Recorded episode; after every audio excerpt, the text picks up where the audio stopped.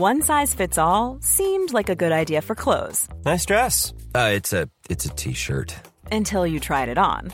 Same goes for your healthcare.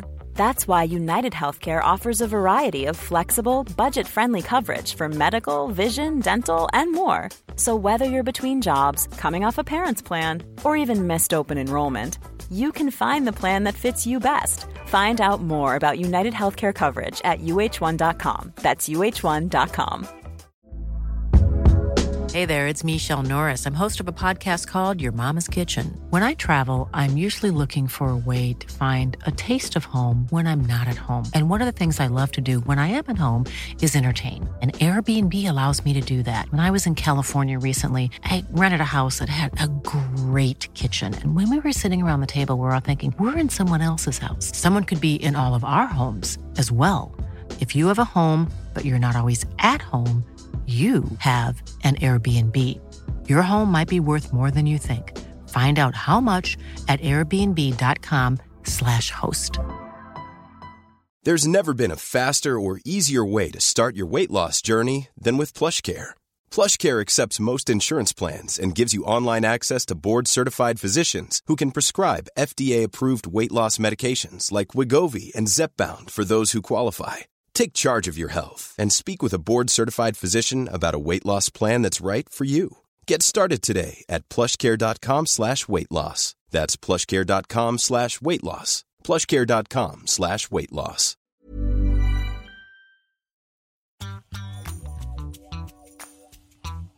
Hei, og velkommen til Bak scenen. Jeg heter Trond Harald Hansen, og i denne podkastserien skal jeg finne ut hva som skjer på baksiden av norsk showbiz-bransje.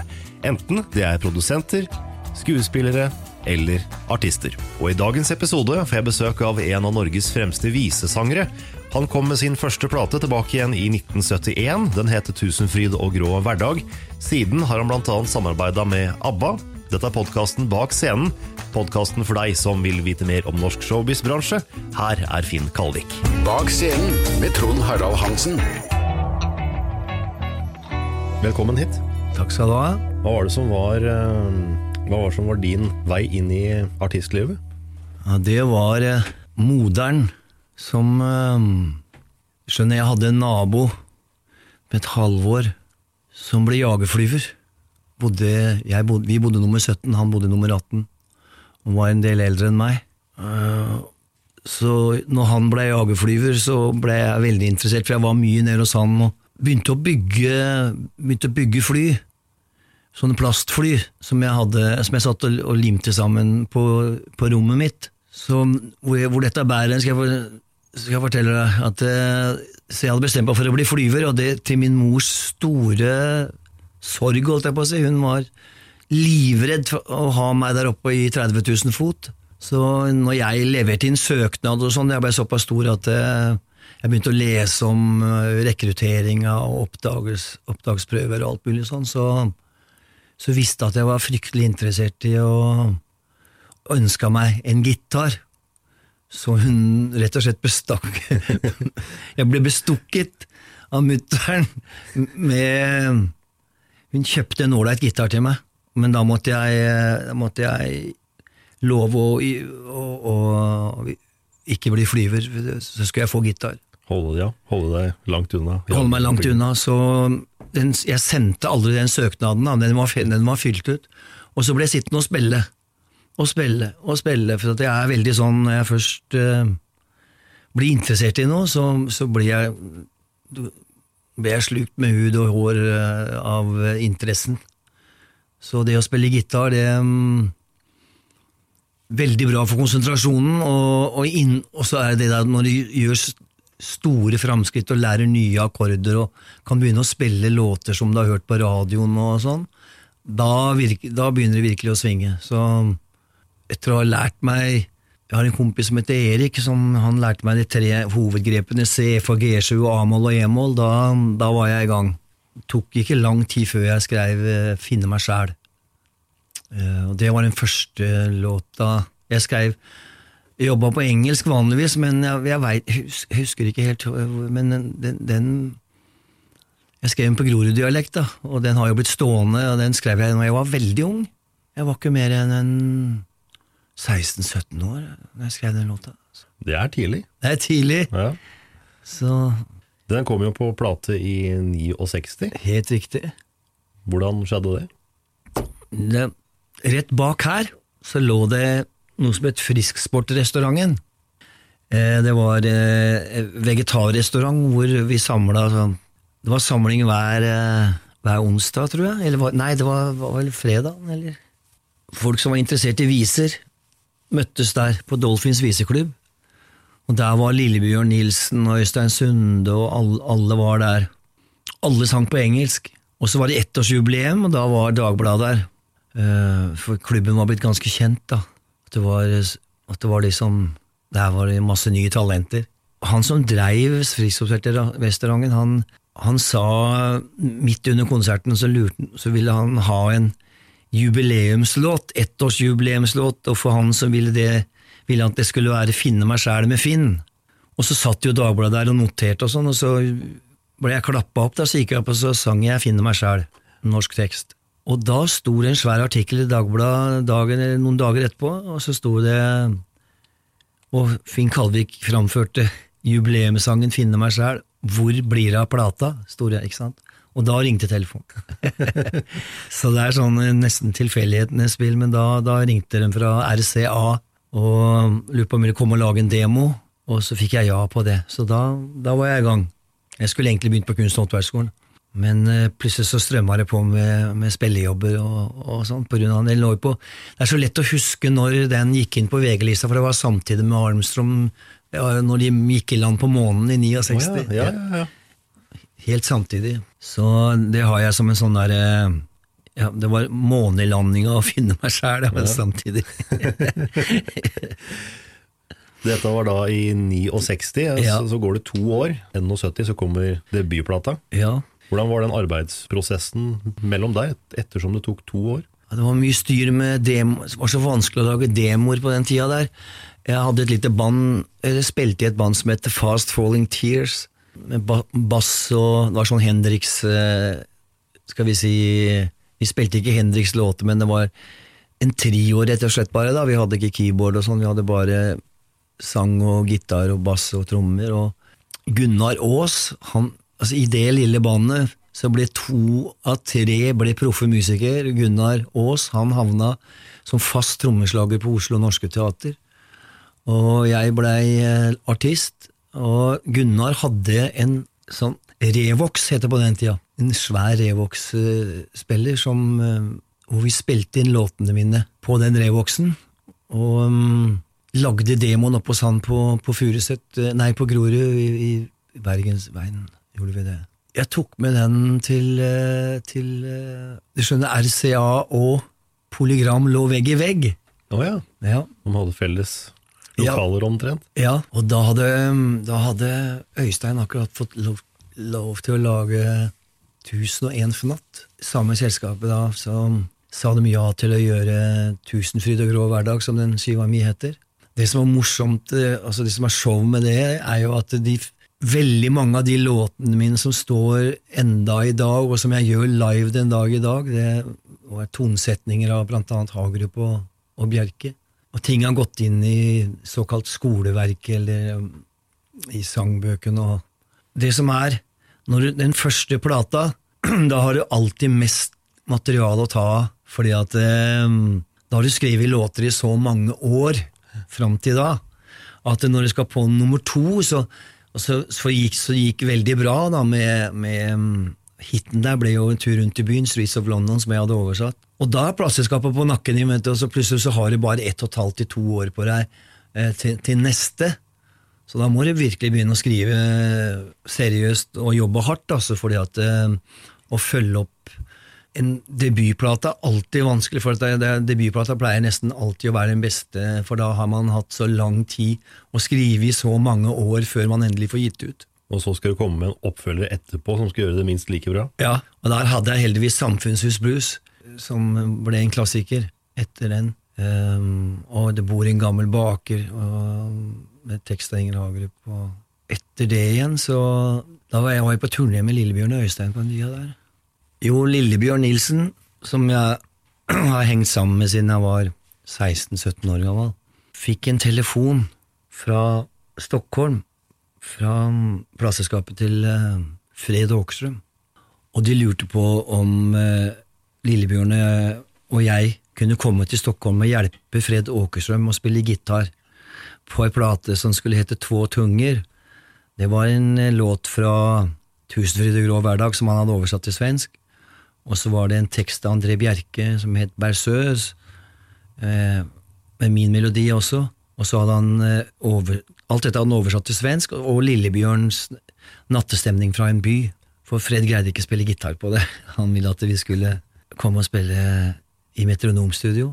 Så da satt Lillebjørn og jeg plutselig på toget til Stockholm og delte sovekupé og, og kom til Stockholm, til metronomstudio, og bodde på et lite hotell der. Og den plata til Fred da, som vi spilte på, det var jo den gang det var dob... Altså, selv om du hadde en, skal vi si, en solo eh, singel LP-plate, så var det cov coveret var ofte dobbelt. Ja, ja. Ja, så du kunne brette ut coveret, og der sto alle tekstene, og der var det plass til masse bilder og sånn. Og det, der var det svære bilder av Lillebjørn og meg i studio mens vi satt og spilte.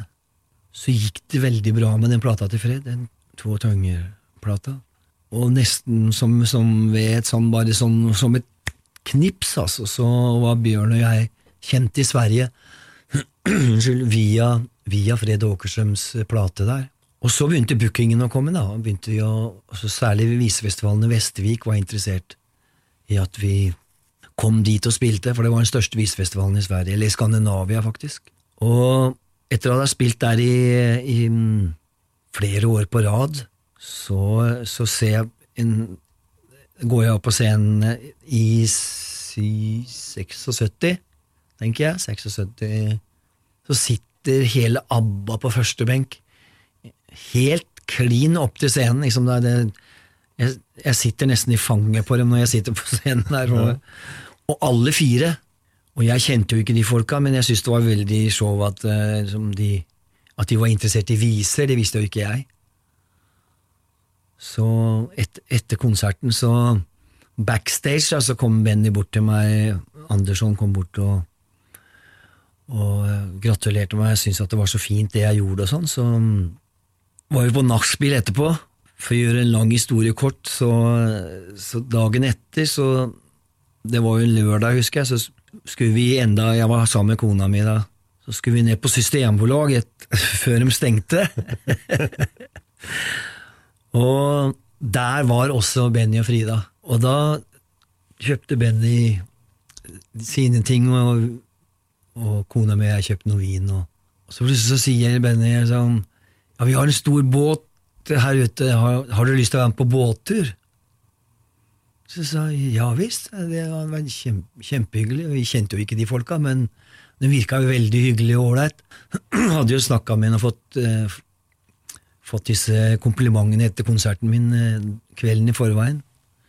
Så vi blei med på den båtturen, da, og da ble det knytta veldig sterke vennskapelige bånd. Vi var sammen med dem hele dagen. Vi lagde mat og stekte pølser, og Benny spilte trekkspill, og jeg spilte gitar. og Når vi kom tilbake til Vestervik, så sier Benny at hvis det, når jeg er i Stockholm, så fikk jeg telefonnummer, så må du bare slå på tråden. Så, så vi har et svært hus på Lidingö, så du er hjertelig velkommen. Så reiste vi hjem, og så, og så vært, hadde vært hjemme et par uker, så ringer telefonen, og så er det Andersson som lurer på om eh, hvordan det ser ut med kontrakta mi og Polygram. For han sa at jeg vil gjerne Vi har et selskap som heter Polar Music, så altså, vi, vi lurte på om du, du som jobber så mye i Sverige og er så mye her, lurte på om du ville komme om du ville spille inn for oss. Og det bare ramla ut av meg. Jeg, jeg, eh, jeg sa ja, hvis jeg får jobbe med deg, så, sa jeg, ikke sant? Ja, så sa han ja, det skal vi nok få til, sa han. Og så um, plutselig på et blunk så um, Heldigvis, da, så, så øh, var det Polygram som jeg hadde kontrakt med i Norge, som distribuerte Polar også. Oh, ja. Ja, så det ble liksom, jeg kunne jobbe med de samme folka i Norge, samtidig som jeg skulle jobbe med Stikkan Anderssons datter Marie i Sverige. Så det blei ble ikke sånn stor forandring og nye mennesker. og sånn, Det det eneste som var nytt, var å jobbe med, med Marie som min label-manager også, og, og Benny og Stikkan Andersson. Mens i Norge så beholdt jeg hele stabben som jeg har jobba med hele tida. Totto Johansen og, og jeg, all, alle de mine nærmeste som jeg hadde et ålreit forhold til. Så det var en veldig fin sammensveising. altså. Det må jo gi en ekstra trygghet òg. Ja, det var absolutt det beste som kunne skjedd. Husker Thomas Ledin og hang jeg mye sammen med på den tida der. Jeg, og Ted Gjerdestad og Ted og jeg skrev jo låter sammen. Men, eh, men jeg ble veldig overraska over at, eh, at Benny når jeg sa om jeg kunne få jobbe med han. Så sendte jeg den siste skiva mi til han, den som heter uh, Nederst mot himmelen. heter Den Den var spilt inn i studio med Jon Eberson og, og en del andre folk. Så sa Benjamin om det er så her musikk du vil eh, gjøre, sa han, så kan, så kan vi jobbe sammen. For den var ganske rocka, den plata, skjønner du. Den var ikke sånn typisk viseplate. Uh, Og så sa jeg ja, det hadde vært morsomt å lage litt popmusikk, for det hadde jeg ikke gjort før. Så da mm, greide han å klemme inn tid eh, til å, å spille inn imellom eh, alt det som ABBA de, de spilte jo inn hele tida, Bjørn og Benny. Jeg hadde jo et eget rom jeg ute på Sødra Kungsvegen. På Lidingö hadde jeg med egen nøkkel. da. Så jeg bodde ikke på hotell på to år. Jeg hadde et eget rom i villaen deres. Så har jeg jo blitt spurt da for veldig mange forlag om å skrive om den tida der, sånn, men den eh, Jeg veit Benny er veldig tilbakeholden og veld, veldig, veldig privat på privatplanet, så han vil ikke at jeg verken skal skrive om det eller snakke om det. Nei, det er jo ikke alt som behøver å være ute i offentligheten heller, liksom. Det er eh, Nei da, det er sant. det. om noe. Den plata da som kom i 79, det var jo en veldig annerledes plate? Det kan man si. Fikk mye pepper òg. Okay. Ja. Alle som hadde Jeg hadde jo gjort en skive med ne, ja, nesten en jazzplate, med Manfred Eicher som produsent, han tyskeren. Og Arild Andersen på bass, og det var hele bandet til Jan Garbarek, egentlig, som kompa meg på den skiva. Så det var mange som sa liksom at eh, nå, nå går Finn har gått til eh, Nå skal han bli popstjerne nå, ikke sant? Det, men det, var, det, var en morsom, det var en morsom tid, fordi at um, Jeg husker jeg spilte Konserthuset i Oslo aleine med tre gitarer, og, og så satt Benny og Frida og kona mi satt i salen, og så hadde Benny og jeg gjort en liten avtale på forhånd. At han eh, skulle komme opp og, og spille piano med meg på to låter, og det var um, Kom ut, kom fram og Lille vakre Anna, stor flygel der, og vi hadde øvd litt. Og så plutselig så Nei, jeg, jeg husker introduksjonen min, og jeg sa at jeg hadde ringt til Norsk uh, Musikerforbund og prøvd å få tak i en pianist, men det var ingen som var ledig, så jeg måtte ty til, til Sverige, sa jeg. Så mine damer og herrer, vær så snill, ta imot Benny Andersson. Så kommer Benny opp. så gjør vi to låter på duo. Og han treng, han, Benny er sånn genial på den måten at han, han husker alt uh, musikalsk. Han uh, hadde, trengte ikke ha noteark eller noen ting, han hadde alt sammen inni huet. Så, sånn har han alltid vært. Jeg husker vi satt på Lidingø en gang og, og, satt og, og jamma, så kom det veldig så fin frase. Og så sa, han, så sa jeg kanskje vi skulle ta opp det på bånd, for det låter jo så jævlig Det er catchy som faen, sa jeg. Nei, det kommer jeg ihåg, sa han, bare med et stort smil. Liksom, sånn. Så han, han er sånn Det er noen da, som har den evnen. Ja, sånn, så det, nei, det kommer jeg ihåg. Det er in, ingen problem, liksom. Morsomt å jobbe med så begava folk som han. han Hvor lang tid eh, brukte du på den eh, på den skiva. plata da? Ja, det gikk veldig fort. Men ben, det som, nøye, og det som var viktig for bandet, var at eh, låtene var ferdig som låter når jeg kom. Det eneste som vi skrev Han han hadde et studio nede i kjelleren, et sånt øvingslokale nede i kjelleren, og så hadde jeg denne låta som het Kom ut, kom fram. Nei, ja, den, den hadde jeg også, men jeg hadde en låt som het På flukt. Det, var, det eneste jeg hadde, var, det var Jeg er på flukt når sola renner, jeg er på flukt igjen, og så hadde jeg ikke noe mer. Og så sier Benny ja, men vi lager et refreng der, sånn, så, og så begynte han å spille Jeg er på flukt når sola renner, jeg er på flukt igjen, jeg er på flukt, min da, da, da, da. Så da, plutselig så, så jamma vi fram et refreng, da, for han sa at det kan ikke bare slutte med den ene linja. Sånn, det, vi, lager et, vi lager et refreng også. Så jeg fikk jo gleden av å skrive med han også, da. På, og så sa jeg vi får jo dele opphavsretten på dette her. Nei, den kan du ta, sa han. Den kan du få. Det er en gave fra meg. Ja. Så det ble en svær hit, eh, den skiva der. Eneste han greide å overtale meg til noen som jeg ikke var så veldig hypp på, det var Lille vakre Anna. Men så kom han med den der vakre melodien. Den der Det syns jeg var så fint at uh, da sa jeg ja til å gjøre den gamle slitte Det er jo en Skillingsvise? Ja, egentlig. Men, uh, og det ble en svær hit, da, ikke sant? men veldig mye på grunn av den fløyte... For det var en låt han hadde liggende, en trekkspillåt. Oh, ja. ja, som han, Benny er sånn, han, uh, han har låter liggende, og så greier han å flette dem inn. Jeg kan fortelle en, en story som ingen har hørt før. Det, var, det var når vi spilte inn På flukt. Så er det en, git, en gitarsolo på slutten der sånn, hvor han ga eh, mel melodien til, eh, til Lasse Welander, som var det han skulle spille på gitar, og det var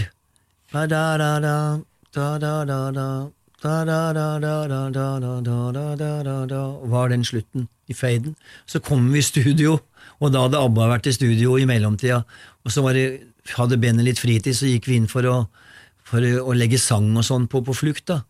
Og så plutselig får han, får han høre den gitarsoloen som han hadde, melodien som han hadde gitt til Lasse Velander. Så sa jeg men faen, det er jo As Good As New. Og det var et første låta det var liksom den, De så på den som den beste låta på den nye skiva til ABBA. Ja. Rader det, sant? Og dessverre så har jeg ikke den teipen, altså. Med As Good As New som faden på, på, på, på flukt. Men jeg hadde den på kassett en stund, men den har blitt borte i alle flyttingene jeg har gjort. Men uh, da skvatt den fælt når han viste seg at han har tatt den gitarsolen fra min låt og så, og så lagd en helt ab ny ABBA-låt. Det er stilig. Ja, stilig. As good as new. Den plata har jo også et um, Han har jo et ABBA-sound. Du hører at det er um... Absolutt. Begge jentene synger jo sammen med Thomas Ledin i koret der. Mm. Så det ble på godt og vondt, det der. Altså, med, altså Da mener jeg mest på godt, men eh,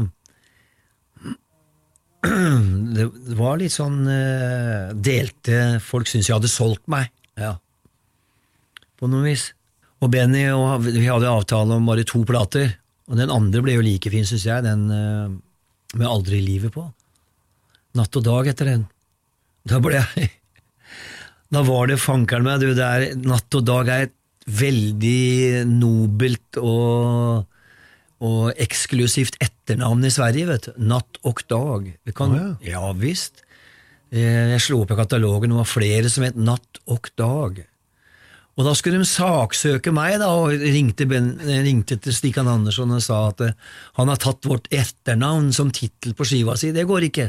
Da skulle de ha erstatning, eller du vil, vil stoppe plata, da. Sa Benny. Den heter ikke Natt og dag, den heter Natt og dag. Altså, da måtte de gi seg, da, for det mm. var en norsk tid. Men natt og dag, med, hvis det hadde vært på svensk, OCH, mm. så hadde jeg måttet skifte tittel. Ja, det er uh, håra bud. ja, men det, Svenskene de har jo hatt baroner og baronesser og sånn. De har jo Vært litt fine på det? Ja, de har hatt uh, overklasse, dem, gitt. Mm. Apropos det, det var jo plata som Aldri i livet var på. Ja, det var som det. ble Grand Prix-seier. Ja. Ble du invitert til å være med i Grand Prix, eller? Ja, jeg ble det. Og mm, i ettertid så Nå er jo det Hvis du går inn på YouTube, så er jo det den mest spilte låta av mine, da, men, en, som jeg gjorde på Uti uh, Det var sånn livekonsert, husker jeg. Um, sånn svær messe. Ja, det er samme det, nei, det, Men i alle fall så, på godt og vondt, så Altså, Melodi Grand Prix er jo ikke sånn som det er nå. Eh, det var en slagerfestival på den tida, og jeg hadde jo sett på dette her siden jeg var liten gutt hjemme, ikke sant, så det var ganske stort for meg. Så jeg sa ja, da, og da var det jo en fagjury, folk stemte jo ikke ute i landet i det hele tatt, ikke sant. Det var, eh, så um, Men det, jeg glemmer aldri det øyeblikket i Dublin når det ene landet etter det andre ble ringt opp, og så kom med sine poengsummer, og jeg ikke fikk en dritt, altså ingen verdens ting. Så dagen etter når vi skulle reise hjem, da, sant, så kom jo jeg, jeg kjente jo at det var Bjørn Schiff som representerte Sverige den gangen. Så Bjørn kom og klemte meg, så staka Finn, det var, var tråkigt. Vet du. Stikkan var jo så forbanna, for han hadde mista ansikt. For at han var jo sjef for ABBA, som lå på førsteplass på alle listene i hele England. ikke sant? Og han ble jo liksom Han følte at han hadde plukka opp en artist som hadde feila, da, ikke sant? i og med at jeg kom sist og ikke fikk noe point. Og jeg orka ikke den stormen, jeg innrømmer det her og Many of us have those stubborn pounds that seem impossible to lose, no matter how good we eat or how hard we work out. My solution is PlushCare. PlushCare is a leading telehealth provider with doctors who are there for you day and night to partner with you in your weight loss journey. They can prescribe FDA-approved weight loss medications like Wagovi and Zepbound for those who qualify. Plus, they accept most insurance plans. To get started, visit plushcare.com slash weight loss. That's plushcare.com slash weight loss. Hey Dave, Yeah, Randy. since we founded Bombus, we've always said our socks, underwear, and t-shirts are super soft. Any new ideas? Maybe sublimely soft. Or disgustingly cozy? Wait, what? I got it. Bombus. Absurdly comfortable essentials for yourself And for those facing homelessness. because one purchased equals one donated. Wow, did we just write an ad? Yes. Bombas. Big comfort for everyone. Go to bombas.com slash ACAST and use code ACAST for 20% off your first purchase. og at jeg orka ikke det å fly til Fornebu, altså, så jeg Jeg bodde jo som sagt i Stockholm eh, hjemme hos Benny og Frida og, og, og en kompis som var gift med oss i Kleveland, som het, som het Sven, Sven Olof Irén. Han hadde et atelier hvor jeg også øvde med bandet um, på Søder. Så da ble det jo sett på som uh, ja, Finn er fegis, han tør ikke reise jeg innrømmer det, jeg, jeg syntes det var innmari deilig å slippe å reise hjem. eh. Jeg husker jeg var flat som ei pannekake på den flyturen eh, tilbake fra Dublin altså, til Stockholm.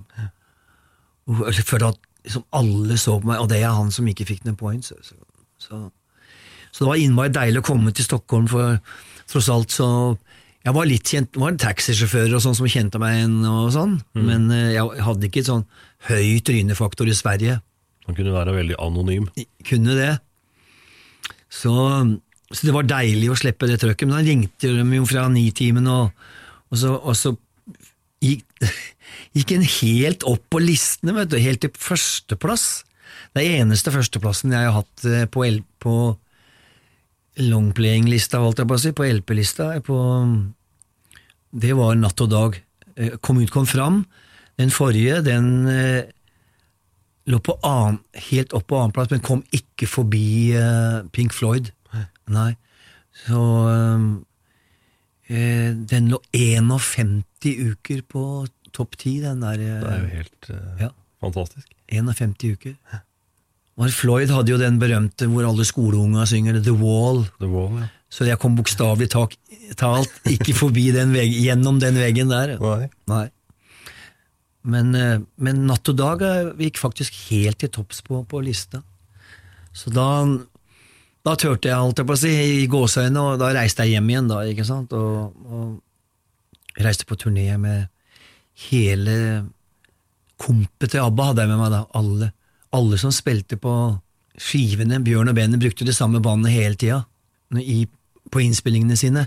Rutger Gunnarsson og Lasse Welander og Ola Brunkert. Men det var ålreit også å ha en liten mellomlanding i Stockholm, en liten pause og, og lade opp igjen. Ja, det var eh, alfa og omega. Så Jeg, hadde, jeg orka ikke tanken på å komme hjem til alt det styret og svare på alle de spørsmåla, alle de radiostasjonene og alle, alle avisene. Ja, det blir vel sånn. Alle vil jo ha tak i deg. Så da, da var det greit og trygt å bo. eh, Benny og Frida hadde jo hemmelig telefonnummer, og, og, og um, ingen visste telefonnummeret at at jeg bodde hos eh, og øvde hos Sven Olof Irén, som var svensk eh, billedkunstner. Så um, det var kult å slippe unna det, da, men jeg innrømmer det at det var, jeg var ganske flat på den flymaskina tilbake fra Dublin. Altså. Så det har jo gått over. Folk roper jo den dag i dag er, Mange år siden blir det nå. Det blir jo fra en 36. 36 år siden. Og folk synger med og kan refrenget, og så det ble en svær hit. Det blei jo en seier, da. Ja, jeg husker jeg satt der med Anita Skorgan var jo med i eh, koret, husker jeg. Og så sa hun nei, nå håper jeg Da det ene landet etter den andre ikke ga noe poeng, så sa Anita da håper jeg vi ikke får noe poeng i det hele tatt. For det, blir, det er mye bedre å ikke få noe point enn å få seks, sju eller åtte points, liksom. Ser bare helt jævlig ut. Det er bedre å få null. Sant? Så Var du enig i det da?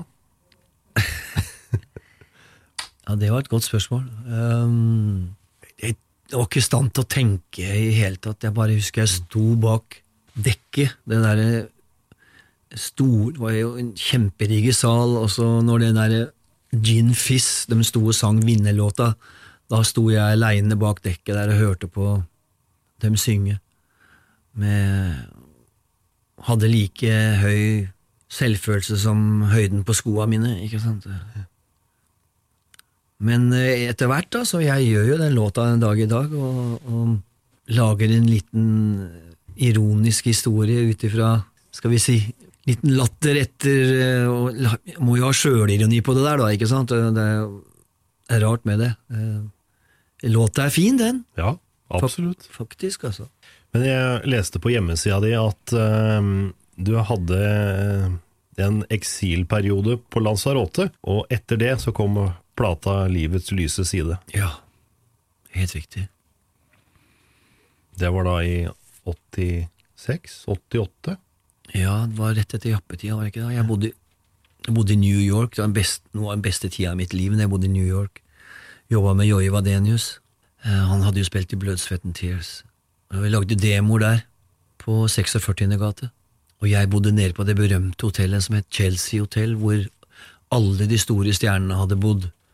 Joni Mitchell, Janis Joplin, Leonard Cohen, Bob Dylan, ikke sant, så jeg spurte Jeg hadde stamstol da, i baren der, ikke sant. Man kommer ned, skal spise middag, så tar man alltid en, en liten øl eller et glass vin i baren før man går og setter seg i restauranten og spiser. Så jeg hadde Plassen min var helt nest sist, husk, på helt ytterst, nest siste stolen. Og så sier han bartenderen, som jeg ble kjent med etter hvert, for jeg bodde der ganske lenge, så han That is Janis Joplin's chair, man. Hun satt alltid der. Og det var sånn Wow, oh, really? Ja. så Chelsea Hotel var Joni Mitchell, vet jeg bodde der et helt år. Det var sånn bohem, det var, sånn, var så bohemsk der. Sånn, eh, så lå det nede i Village, der hvor alle viseklubbene var på 60-tallet, og, og så var det så innmari kult med alle de vibbene i veggene, for å si det sånn. Med, man visste alle de berømte folka som hadde bodd der. Ja. Jeg bodde på Chelsea. Først så bodde jeg hjemme hos Joie, men det var så lang vei fra han bodde oppe i, opp i Jersey, altså utafor byen. Så var det så jævlig langt, så jeg flytta ned på og bodde en måned eller to, vel, på Chelsea Hotel. Fikk avtale, da, vet du. Så var det folk som var en, en, var en eldre dame, husker jeg, hun var drita hver eneste kveld. Og, og kom ned i kjole, vet du, lang kjole, hadde pynta seg til, til middagen og satt i baren der og, og ble, alt, ble hjulpet inn i heisen etter middagen hver eneste kveld. Så det var litt av et sted å bo, gitt. Det var Dylan Thomas, han berømte eh, Han var, var walisisk dikter, som, som det sies at eh, Bob Dylan har tatt navnet sitt fra. Dylan Thomas, han, han daua der. Han drakk seg i hjel der. Rett og slett. det daua alkoholforgiftning. Mm. Bodde på toppen der. Så der, der, det var litt av et hotell. Det var litt av et hotell, jeg skulle Ja. akkurat til å, å, å si det. Mm. Nå har, nå, skal de, nå har de bygd om, eh, hørte jeg, Og, og så har de navn til alle Der har de funnet ut der hvor alle de berømte folka bodde, så de, der står Og så har de bild, hengt inn bilder av de forskjellige berømte folka på de stedene, på de rommene hvor de bodde. Og så he, har de navnene på dørene hvor eh, Cohen og Dylan og Joni Mitchell alle har bodd. eh. Så jeg skal, Det er visst en ombygning nå, hørte jeg. Stilig. Ja, kjempestilig. Ja, du verden. Var det her du også starta på eh, livets lyse side? Ja, det skjønner Livets lyse side, den. Da hadde jeg med melodien. Det var jo kassetter på den sida, kassettspillere. Eh, og hva heter de der små Ja, de, de der eh, til å ha i lomma som var forgjengeren til iPoden. Walkman? Walkman. Jeg hadde den med på Walkman, og så sov jeg på strendene noen ganger, og jeg var drita lei turister og fulle nordmenn og skriking og hyling og nachspiel og sånn, så, så dro jeg opp nord på øya, hadde med meg ulltepper og, og dy, hadde, Jeg har alltid med meg dyna mi når jeg er ute og reiser sånn lenge av gangen. I hvert fall så hadde jeg det før.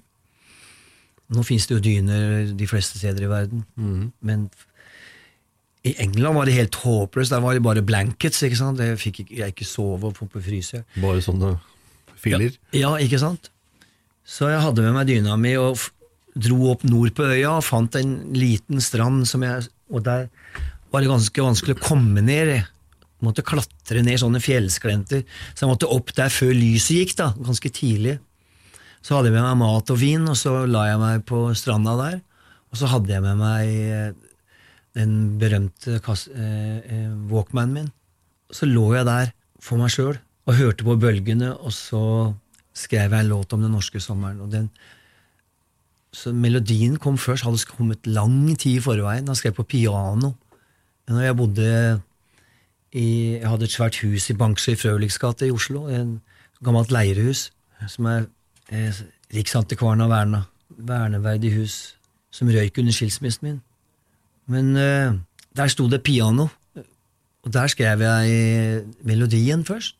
Spilte den opp for Benny Andersson, og Benny sa wow, det der kan bli noe. Så ble det jo livets lyse side, for jeg bodde, jeg bodde, jo, liksom, jeg bodde jo virkelig på livets lyse side der oppe på, um, på Lanzarote. Altså det var første vinteren jeg over, over Første gangen jeg overvintra. Ja. Jeg husker det var en, en eh, Det kom et fly fra Flesland, husker jeg, med masse bergensere som var så forbanna hvis de satt på uteserveringa. Vi hadde jo fast stamsted med de folka jeg vanka med, og de måtte ha på seg samme klærne som de hadde på seg i Bergen, for det var akkurat samme temperatur på Lanzarote som det var på Flesland. Du skulle vært litt lenger ned. Det skulle nok vært litt nærmere ekvator, så det kunne være kaldt der. Også. Men de, ville, de, å, den banna skulle ha tilbake penga sine og skulle reise hjem igjen. Og det var, hadde jo fankeren ikke reist eh, eh, på, sommer, på, på sydenferie for å fryse i hjel. Så det kan bli kaldt også der, der nede i, på Kanariøyene. Ja da, det er, eh, det er ikke uvanlig, altså. Ja. Det har snødd der òg, vet du. Det har jo snødd der. Senest i fjor. Ja. Eller i år òg, muligens. Mm. I fjellene der har det snødd litt. Så det er ikke garantert bra vær. Nei, det er ikke det. Men det er én låt jeg lurer på på den ja. LP-en, og den syns jeg er eh, veldig sterk, og det er en av mine personlige favoritter. Og den heter 'Sannhetens ansikt'. Å ja. Den låta der handler om alle vennene som jeg mista under skilsmissen min, som tok parti for eksen min. Uh, så jeg, jeg var nødt til å gå i terapi. Jeg gikk i terapi hos en som het Arne Byhre i Drammen. Fantastisk fyr. altså. Der fikk jeg styrke og selvfølelse til å ikke gi opp, selv om mesteparten av mine nærmeste forsvant med henne. og huset mitt og alt sammen ble borte, så mm, Jeg hørte jo så mye rart om meg sjøl også, så derfor så ble en låta het eh, ansikt, Sannhetens ansikt er gjemt bak løgner, så reiste jeg og kjemp. Og da fikk jeg den støtten hos han, ikke sant, at um, la dem bare prate, og la dem eh, holde på med sitt, men uh, du må videre. Så ja da, det, det der var skilsmissen og samtalene med Arne Byhre i Drammen som skapte den låta der, for å si ideen til den låta der. Utrolig fin, altså. Det, Takk må, jeg bare, det må jeg bare si. Takk, takk. Eh, Du skifter også plateselskap, blant annet. Du går over til Spinner i 1991, plateselskapet til Øystein Sunde, Mhm. og lager en vanvittig kul LP som heter Innsida ut. Ja. Det ble en ganske rar plate på en måte. At det, for mye av Øysteins Du skjønner, Øystein er har kjent hverandre bestandig. Jeg sier bestandig, så er det så å si bestandig. Altså. Og vi har alltid hatt humoren felles. Masse humor. Og den plata er en blanding av skal vi si, alle morsomhetene våre som vi har privat, og alvorlige Finn Kalvik, samla For den plata er sånn som Arne Bjørn og Bjarne som kjører harry biler og, og um, til en låt til kjæresten min eh, For å si det sånn, at den plata er en rett og slett en uh, mellomting mellom en humoristisk og en, uh, en alvorlig Kallevik-plate. Og jeg sto uten plateselskap, og, og mm, det, blitt, det var blitt én klassiker der, og det er den Ellinga vellinga vatlandskuten, bøtte og spann og suttekluten. Jeg spiller veldig mange bursdager. Jeg, jeg får veldig mange etterspørsmål. Jeg ljuger ikke, jeg får veldig mange, altså. Jeg spilte akkurat nå, sist helg, i, i en eh, 50-årsdag på Aker Brygge, lukket selskap, og nå så skal jeg, den 6. mai er det i Asker. Og da er det den siste låta, for den min generasjon husker alle de greiene med Helland og Halland og Zorro og Botfor, pirkeprøve, og har det gått for? Davy Crocket og Tarzan og Bomba, danseskole med cha-cha-cha og rømba, Flåklypa Tidene, Simen og bror min, Høyfjellssol fra fattern til mor min. Så ut av den plata så kom den der, det å ha det blitt en monster, altså. Det er sånn, den, det, Liten oppsummering, heter det ikke det? Helt riktig. Øystein sa jo det, vet du. Det kan, jeg sa den skal hete Grorudregler, så sa nei, du kan ikke kalle den for Grorudregler, sa Øystein. jo, men det var jo sånn det var, sånn jeg husker det var å bo på Grorud som ungdomstida mi, og nei, kall den for liten oppsummering, så kan du skrive den store oppsummeringa når du virkelig drar på åra, sa Øystein. Så da begynner vel å nærme seg den store oppsummeringa nå, da. Ja. Ja. Vi gleder oss. For første gang i 2001 så blir de første albumene tilgjengelig på CD. Merka du en, eh, du en ny oppsving igjen da? Oppsvingen min kom jo med fra A til nå, eh, som jeg kalte den, fins 40 beste. Eh, da all Vennyl og, og de beste låtene mine i, opp til da, det var vel 91 det, Uh, ble lagt over på den, og den, den, er, den har solgt veldig bra, uten å være blærete å si noe sånt. Uh, Men uh, den store, store oppsvingen min, den kom enda seinere igjen, når jeg begynte å jobbe med Jørn Dahlshow i eh, Da Work Records, for jeg jobba med han i Polygram. Så slutta han, og så ville han ha, starte eget plateselskap som skulle hete Da Works, og så ville han ha meg som første artist i det selskapet, og det sa jeg ja til. Og det, det han ville gjøre da, var å spille inn de store hitene mine på nytt igjen med symfoniorkester, med Prag Symfoni. Så vi dro til Prag. Det var en fantastisk tur. Eh, bodde der eh, en uke eller to. Og det er jo pilsens hjemland, vet du. så du, har ikke, du, du veit ikke hva en ordentlig øl er før du har vært i Prag, altså, og drukket fatøl i Prag på ei kneipe sånn litt sånn bortgjemt. Da, da skjønner du tegninga når det gjelder hvor hvor verdens beste øl kommer fra. Ja. Og den plata, den tok helt av. Um, så, og det var egentlig bare Det var en oppsummering av backkatalogen min i ny innpakning. Så jeg, jeg, det var en periode hvor det var ganske stille, hvor det var, det var så stille at jeg rett og slett eh, tenkte jeg skulle ta tak i den malerutdannelsen som jeg aldri tok tak i. Når jeg, men jeg tenkte på å ta tak i før Finne meg sjæl ble en hit, og gikk inn på VG-lista. Så jeg malte i flere år, da, hadde, og hadde privat eh, lærer fra Kunst- og håndverksskolen, Oddmund Rauberget. Og da var jeg helt beredt på altså, å øh, snu ryggen til musikken, og, og, og så kom den, øh, det tilbudet om øh, med, Og gjorde så gjorde vi den Prag-greia, og så var det på'n igjen. Så um, man kan ikke si akkurat at uh, at mitt, eh, min karriere har gått på skinner. Det har den absolutt ikke gjort. Hvordan var opplevelsen da, når man da får igjen en så stor oppsving da på begynnelsen av 2000-tallet, 2002? Det var helt ufattelig kult. Alt forandra seg for the better. Um, dro jeg til New Zealand, kjøpte meg en motorsykkel på, i Oakland. Oh, ja. Kjørte jeg hele Nordøya og Sørøya aleine på motorsykkel. Um, Vebjørn Sand han kom flyende inn fra Tokyo, og jeg bodde, da bodde jeg i Australia, i Sydney. Og så leide vi en sånn åpen sportsbil sammen, og så kjørte vi hele østkysten av Australia oppover, han og jeg, i en åpen sportsbil. Og jeg hadde et ganske stramt budsjett, for jeg skulle jorda rundt, og, men, og han kom fra hadde møtt noen gallerister i Tokyo.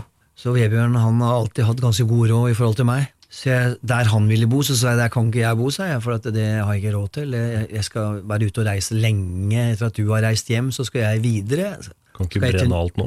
Nei, da skal, jeg, da skal jeg til New Zealand, sa jeg, og så skal jeg kjøpe meg en motorsykkel der, og så, da sprekker budsjettet mitt. Så da kom han med det enkle forslaget at eh, vi eh, spleiser på ett rom, eh, dobbeltrom, og så kan vi slå mynt og kron og hvem som skal ha den store og lille seng, for på alle rom der sånn så var det ekstra seng, for det kan man få satt inn. Og så hver eneste kveld så slo vi mynt og kron om hvem som skulle ha store og lille seng. Altså skulle, og jeg husker vi kom til, til Surfers Paradise. Da, da var helt fullt, så da fikk vi bare et dobbeltrom. Så da var det akkurat som i militæret. da. Var, eh, vi sov ved siden av hverandre i, eh, i ei dobbeltseng. På den måten så plutselig så blir de satt tilbake igjen til nesten sommerferiene dine som eh, tenåring, ikke sant? Hvor eh, vi ble så gode kamerater at eh, det ble litt sånn vi har, ja, vi har litt sånn bror eh, Vi er så gode venner at, eh, at eh, Han er vel den eneste som jeg, ved siden av en annen kompis som har sovet på samme rom og i samme seng, det, det er ganske spesielt. Det, da er man gode venner. Så han ringte meg i går faktisk og lurte på om jeg ville komme ned på utstillingen hans. I Sydney da hadde vi en svitt, liten suite, hvor vi hadde hvert vårt rom. Men nå var jeg ute og reiste sånn oppover for å se Australia, så, så måtte vi eh, dele rom flere ganger. Det var jo problem når han skulle ha med seg damene. Ja, selvfølgelig. Det ble Det kan bli gærent. så da satte jeg meg på kaffe. Ja.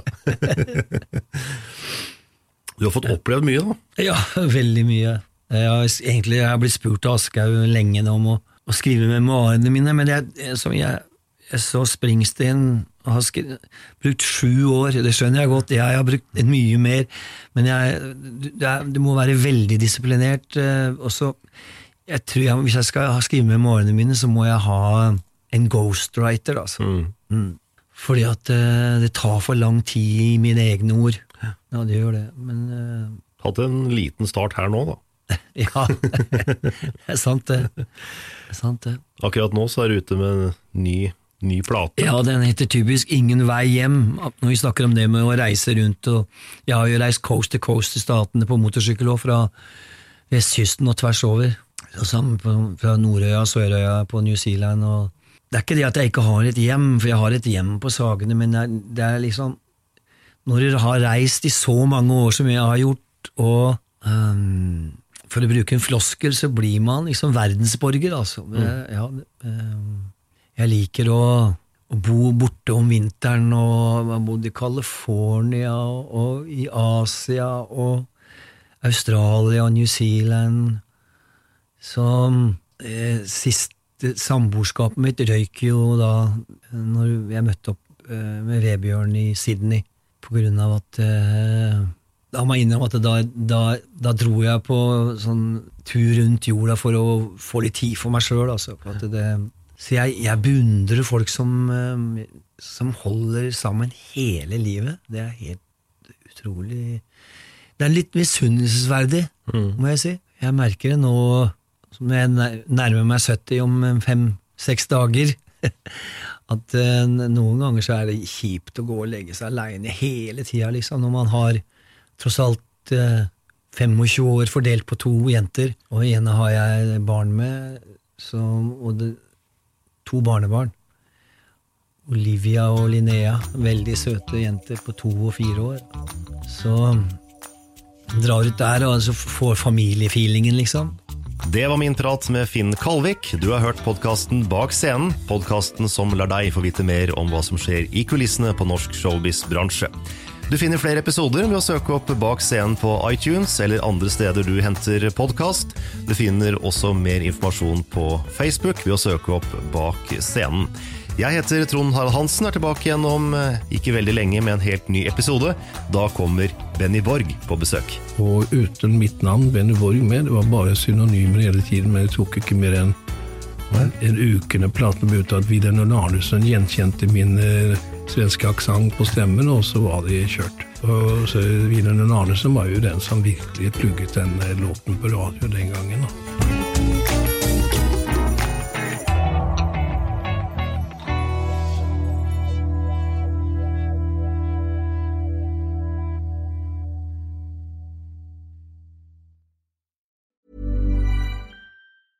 Even when we're on a budget, we still deserve nice things. Quince is a place to scoop up stunning high-end goods for 50 to 80% less than similar brands. They have buttery soft cashmere sweaters starting at $50, luxurious Italian leather bags, and so much more. Plus, Quince only works with factories that use safe, ethical, and responsible manufacturing.